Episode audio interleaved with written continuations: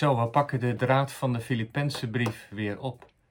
Paulus zit in de gevangenis, vermoedelijk op de plek van Caesarea.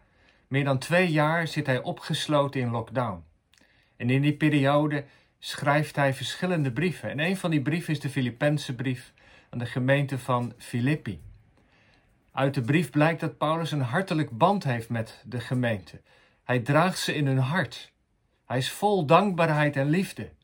En tegelijkertijd maakt hij zich ook zorgen over bepaalde ontwikkelingen in de gemeente. En het is best bijzonder dat Paulus vanuit de gevangenis zo betrokken is op de gemeente daar in Filippi. We kunnen van deze brief heel veel leren, want als er één rode draad door deze brief gaat, is het wel het thema van de vreugde en de dankbaarheid. Hoe kan Paulus die vreugde vasthouden? Hoe kan hij in zo'n moeilijke periode, dat hij opgesloten zit in een donkere cel, beroofd van alles wat belangrijk is voor een mens, hoe kan hij toch zo vol vreugde zijn? In deze Bijbelstudies komen we dat op het spoor. Leren we meer van hoe Paulus in het geloof staat, welke vragen en worstelingen hij heeft en hoe hij voor ons tot een inspirerend geloofsgetuigenis kan zijn. Vandaag staat een bijzonder gedeelte eh, op het programma.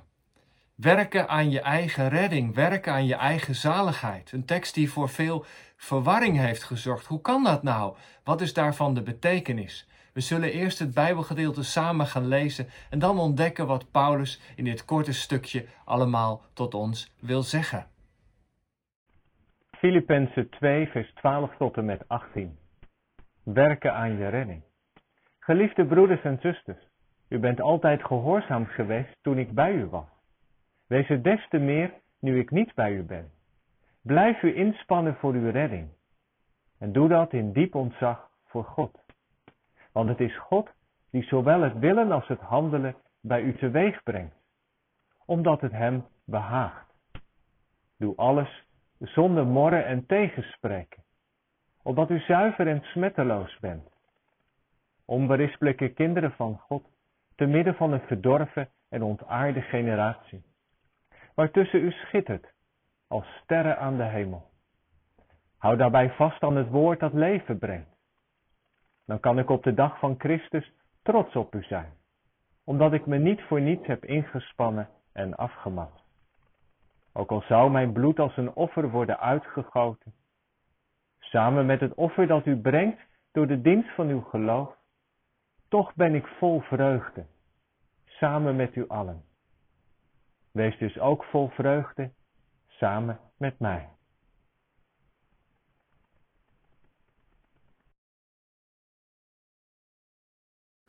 Er zijn van die teksten in de Bijbel waar je over blijft verwonderen. Die vragen oproepen. De tekst die ja, vandaag centraal staat, is ook zo'n tekst werken aan je redding. In de herziende statenvertaling staat het er zo: werk aan uw eigen zaligheid met vrees en beven.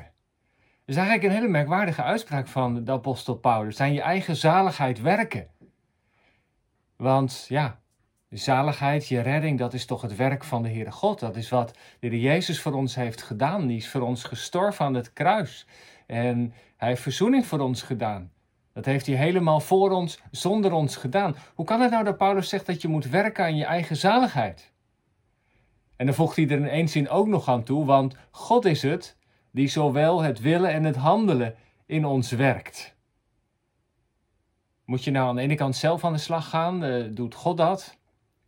Ik las in een uh, commentaar eigenlijk wel een hele goede opmerking. En die wijst erop dat Paulus eigenlijk een hele praktische brief schrijft voor de gelovigen daar in Efeze. Die persoon zegt: Het is geen dogmatisch lesje over Gods verkiezing en onze menselijke verantwoordelijkheid. aan de ene kant is dat vaak het dilemma als je vanuit de reformatorische traditie verder komt: van ja, God moet het doen, wordt dan gezegd. Maar aan de andere kant zijn er ook zoveel teksten waarin ja, het appel wordt gedaan aan ons om de onderlinge samenkomst niet na, na te laten, om ja, met je geloof bezig te zijn, om te geloven en hier ook om aan je eigen eh, zaligheid te werken. Dat roept natuurlijk best wel vragen op. Maar belangrijk is dat, dat, dat, dat, dat Paulus natuurlijk geen dogmatische verhandeling geeft, maar dat hij heel concreet denkt aan de praktijk van het leven uit het geloof. want zo begint ook het Bijbelgedeelte. Uh, daarom in de herziende statenvertaling. Dat is als een soort conclusie.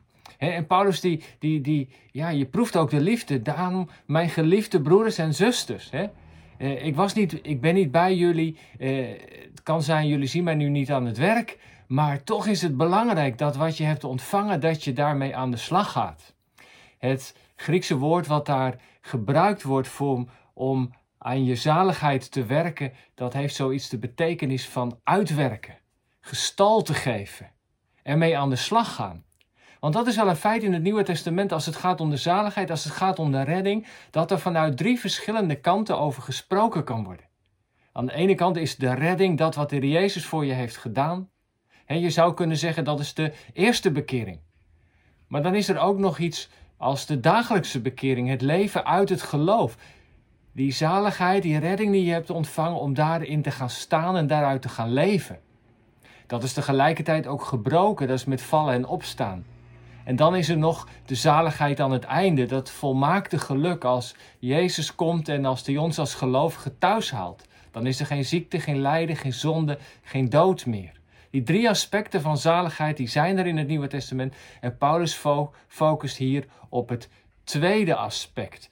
dat wat je hebt ontvangen, daaruit ook leven. En zo ligt eigenlijk ook wel de koppeling. Want in, in het voorgaande gedeelte heeft hij over de Heer Jezus gesproken, die vanuit de hemel is afgedaald. Hij heeft ons opgeroepen om zijn voorbeeld na te volgen door de minste te willen zijn. En, en dan trekt hij als het ware hier nog een verdere conclusie. Als je nou bij de Heer Jezus hoort, als je nou Hem als je Heer en Heiland ziet, wat betekent dat dan voor je dagelijkse leven? En misschien kan een voorbeeld hierbij helpen. Ik moest zelf denken aan het voorbeeld van een drenkeling. iemand die op het strand is gaan zwemmen, ehm, maar door de vloed verder op zee raakt en niet meer bij macht is om terug te komen. En dan wordt er gebeld, alarmnummer, dan rukt de reddingsboot uit en ja, die komt langs zij. Iemand springt in het water om de persoon beet te pakken die helemaal vermoeid is en, en die in de open zee drijft. En die pakt hem vast en die wordt weer op de, ja, in de boot getrokken. En de reddingsboot keert weer terug naar de haven. En dan wordt die drenkeling uit, ja, uit de boot getild. Hij is nog helemaal nat en, en bibberig en koud. En dan staat hij dan uh, op de kade als een persoon die gered is. Je zou kunnen zeggen dat is het eerste aspect van de redding. je bent uit het water gered, want als er niemand je te hulp kwam, was je afgedreven en zou je zomaar kunnen verdrinken. Maar dan sta je nu op de kant, je bent gered, maar je hebt nog je natte kleren aan, je bent koud en bibberend, nog nauwelijks van de schrik bekomen. En nu, is, ja, nu, nu word je meegenomen, je mag je douchen, je trekt je warme kleren aan. En, en ik denk ook dat er dan, in, degene die, die zo gered is, dat er in zijn of haar leven ook zoiets van, van dankbaarheid is van wauw, ik ben op het nippertje gered. En, dat het leven van zo iemand ook veel kostbaarder is geworden. Nu, nu mag je als een geredde persoon gaan leven, dankbaar dat je elke dag weer het leven hebt ontvangen dat je er nog bent. En ik denk dat dat heel je leven verder dan ook zal stempelen. Maar dan is er dat derde aspect en dan kom je uiteindelijk thuis en daar is het alles weer vertrouwd en dan vertel je je verhaal en dan ben je helemaal gelukkig, ja, volmaakt gelukkig weer. Dat is dan de volkomen redding. Dus de redding in het begin uit het water halen, het besef dat je gered bent en eruit leven en dan het thuiskomen. Die drie aspecten die horen bij elkaar. En Paulus focust, zoals ik al zei, hier op dat tweede aspect. De bedoeling is dat als je bij Jezus hoort, dat het heel je leven door, doortrekt. Dat de, je, je werk op school, wat, wat je verder daar doet in je gezin, op de werkvloer, in het ziekenhuis, in de politiek, in de maatschappij. Dat zichtbaar is dat je iemand bent die bij de Heer Jezus hoort. Hier ligt dus een heel duidelijk appel op onze verantwoordelijkheid. En tegelijkertijd mag er ook iets van ontspanning zijn, want Paulus die zegt dan in één adem door, want God is het die werkt.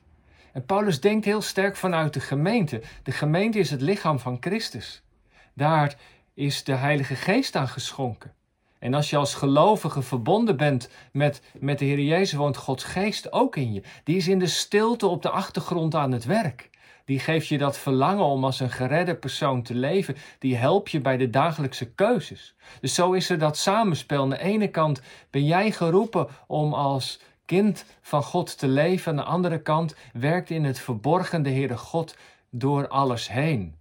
En dat mag ook een zekere ontspanning geven. Vroeger zeiden ze wel eens: uh, eenmaal bekeerd, altijd bekeerd. Nou, dat zou Paulus op die manier niet zeggen, want het is natuurlijk, um, het is natuurlijk belangrijk dat je niet blijft hangen in wat er één keer is gebeurd, maar uh, dat je ook groeit in het geloof, dat je met het geloof bezig bent, dat je jezelf ook voedt. God heeft ons geroepen niet om sierheesters te zijn, maar vruchtbomen. Hij wil graag dat we vrucht dragen. En dat we dat zonder morren doen, zonder mopperen, maar vanuit een innerlijk verlangen ook.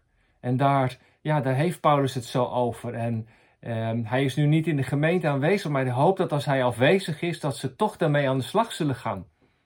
Ik werkte vroeger in vakantiewerk wel eens bij een bedrijf. En als dan de manager of de bedrijfsleider in de, in de ruimte was waar we werkten, het was een drukkerij, dan was iedereen heel druk aan het werk. Maar zodra hij zijn hielen had gelicht en weer in zijn kantoor was, begonnen mensen weer met elkaar te praten en, en gewoon soms hun eigen dingen te doen of extra lang koffie te drinken. Nou, zegt Paulus, ik ben er nu niet, maar zorg wel dat je wat je hebt ontvangen, dat je daarmee aan de slag gaat, want je bent bedoeld om vrucht te dragen. En doe het, zegt hij, met vrees en beven. Dat betekent niet dat je heel angstig moet zijn, maar er zit ook wel een stukje ernst in, want als Gods geest in je werkt en als Jezus zoveel voor je heeft gedaan, dan ga je toch niet zomaar rustig op je lauweren rusten en denk van, nou ja, ik heb eenmaal in mijn leven een keus gemaakt, het zal allemaal wel. Nee, dan, dan, dan, dan, dan, dan is het belangrijk dat je Jezus volgt, dat je diezelfde gezindheid hebt, dat je daarmee bezig bent, dat je er met anderen over spreekt, dat je anderen ook, ook stimuleert. Dat is eigenlijk wat Paulus probeert mee te geven. En waarom is dat dan zo belangrijk? Nou, hij voegt er ook nog iets anders aan toe. Want in de wereld waarin de gelovigen leven is heel veel mis. Daar gaan mensen voor hun eigen belang, voor hun eigen waan. Daar hebben we in de voorgaande Bijbelgedeelte ook al iets over gehoord. de bedoeling is dat je in die donkere wereld waar ellende is, zonde en dood, dat jullie als gelovigen, zegt Paulus, schijnen als lichtende sterren. Dat jullie mensen zijn van hoop. Die, die weten van vergeving. Die weten van wat het is om de minste te willen zijn. Mensen die net als Jezus van de troon af willen komen. Want dat is vandaag de dag zo nodig. dat, dat zichtbaar wordt. Um, ja, hoe wij met, aan hoe wij met elkaar omgaan. Hoe wij over mensen praten. Dat wij bij het koninkrijk van God horen. Dat we niet de gezindheid hebben die de wereld heeft, die mensen als er iets mis is afbrandt, of die mensen kritiseert of via de sociale media aan de schandpaal nagelt. Nee, dat is niet de bedoeling, maar dat we in liefde met elkaar omgaan. Het heeft te maken met onze visie op seksualiteit, op het leven aan het begin en aan het einde, hoe we omgaan met het geld, hoe we zorg dragen voor de schepping, al die dingen. En niet te vergeten natuurlijk ook die mooie getuigenissen. Nu in de coronacrisis veel mensen ziek zijn geworden. En dat ondanks moeilijke omstandigheden er ze toch hoop hebben. Of de mensen die in de zorg werken, die vanuit enorme veerkracht en moed eh, naast mensen staan. Vanuit een diep geworteld besef dat, dat God het is die ze elke dag daarvoor de kracht geeft dat ze op de intensive care of in het ziekenhuis of in, in, in de zorghuizen aanwezig zijn en, en mensen nabij zijn voor mensen zorgen. dat is een geweldig teken van hoop. Gelukkig zijn er heel veel mensen die dat doen, die, die, die dat zomaar ja, van nature doen. Um, er zijn ook heel veel christenen die goede werken doen. Maar op ons rust een extra appel om dat vanuit de liefde van Jezus te, te doen. Wij zijn mensen die weten dat Gods nieuwe wereld komt. Dat de Heer Jezus voor ons bidt, dat zijn geest door ons heen werkt. En zo kunnen we, ondanks alles, toch hoopvol zijn. Nu zul je merken dat als jij dienend in het leven staat, als je mensen helpt, als je probeert goede woorden te spreken, als je naar anderen probeert om te zien, hè, dat het soms ook lastig is. Dat je soms tegenslagen eh, te, dat je daarmee te maken krijgt, dat je moeilijke dingen ervaart en dat je soms ook weinig energie hebt. En ja, dat je soms ook tegenwerking krijgt, dat mensen kritiek kunnen geven. En hoe houd je het dan vol? Nou, Paulus zegt nog in vers 17 iets belangrijks. Houd daarbij vast aan het woord dat leven brengt. Het is wel belangrijk dat je blijft bebronnen. om een vruchtboom te kunnen zijn heb je water nodig. Denk even aan Psalm 1. Die boom die staat geplant langs het water. En, en wij als christenen hebben ook voeding nodig. En dat is de voeding van het evangelie, het woord dat leven brengt. Hè? Wees daarom trouw ook in het Bijbellezen, in het bezig zijn met de woorden van God, want daarmee wordt het geloof gebouwd en versterkt. En dat is nog een belangrijk advies wat Paulus aan de gemeente meegeeft. Aan het slot van het Bijbelgedeelte um, ja, drukt Paulus iets van onzekerheid uit. Hij weet niet of hij het gaat halen. Er zou een kans kunnen zijn dat hij veroordeeld wordt. En hij heeft het over de, de mensen uit Filippi dat zij aan God in hun dankbaarheid, in hun dienende liefde een offer geven. Het zou kunnen zijn dat ik geplengd word, zegt hij, dat ik ook als offer word uitgegoten. Dat was vroeger gebruikelijk als er offers werden gebracht, waren er ook bijvoorbeeld wijnoffers en dan werd er dat kostbare vocht werd over het offer gegoten. Het was een extra offer. Misschien word ik zo ook wel uitgegoten, ga ik sterven. Maar laat het dan zo zijn in ieder geval dat het een offer is wat God vreugde geeft. En, en doe het zonder mopperen. Maar dat probeer ik ook, ook niet te doen. Ik zit in de gevangenis, het is een moeilijke situatie. Maar het feit dat ik God aan het werk zie, dat ik weet dat Christus van mij houdt, dat Gods geest in mij woont, dat geeft me een diepe vreugde. Laten we ons samen daarover verheugen en zo God eren. Nou ja, wat kunnen we van dit gedeelte meenemen? Misschien nog een enkel woord over de uh, toepassing. Ik denk dat in ieder geval het wel duidelijk is geworden dat wat Paulus hier schrijft, dat je aan je eigen redding moet werken, waarmee hij bedoelde dat je het moet uitwerken, dat je als je tot geloof komt nooit een punt moet zetten, maar altijd een komma. En we zeggen tegen degene die beleidenis gaan doen, welkom in de strijd. Dan begint het avontuur pas. Je ja hebt gezegd tegen de Heer Jezus, begint er een leven van navolging, van ja, uitleven wat het geloof betekent. Dus Paulus zegt hier, ga daarmee aan de slag. Een luie christen is niet wat God van ons verlangt. Hij wil graag dat wij groeien in de kennis van de Heer Jezus, groeien in de kennis van het woord, dat steeds meer in ons leven zichtbaar wordt, eh, dat we bij de Heer Jezus horen. Dus geen punt, maar een komma. En het tweede, we hoeven het niet in eigen kracht te doen. Dat hebben we al eerder gezien, maar we mogen van harte vertrouwen op de kracht en de hulp van de Heilige Geest. Hij werkt zowel het willen als het doen. En als wij geen zin hebben, als we falen of als het weer niet is zoals het zou moeten zijn, dan kunnen we bidden dat Gods Geest ons vervult en dat Hij ons helpt. En zo mogen we elke dag weer opnieuw beginnen.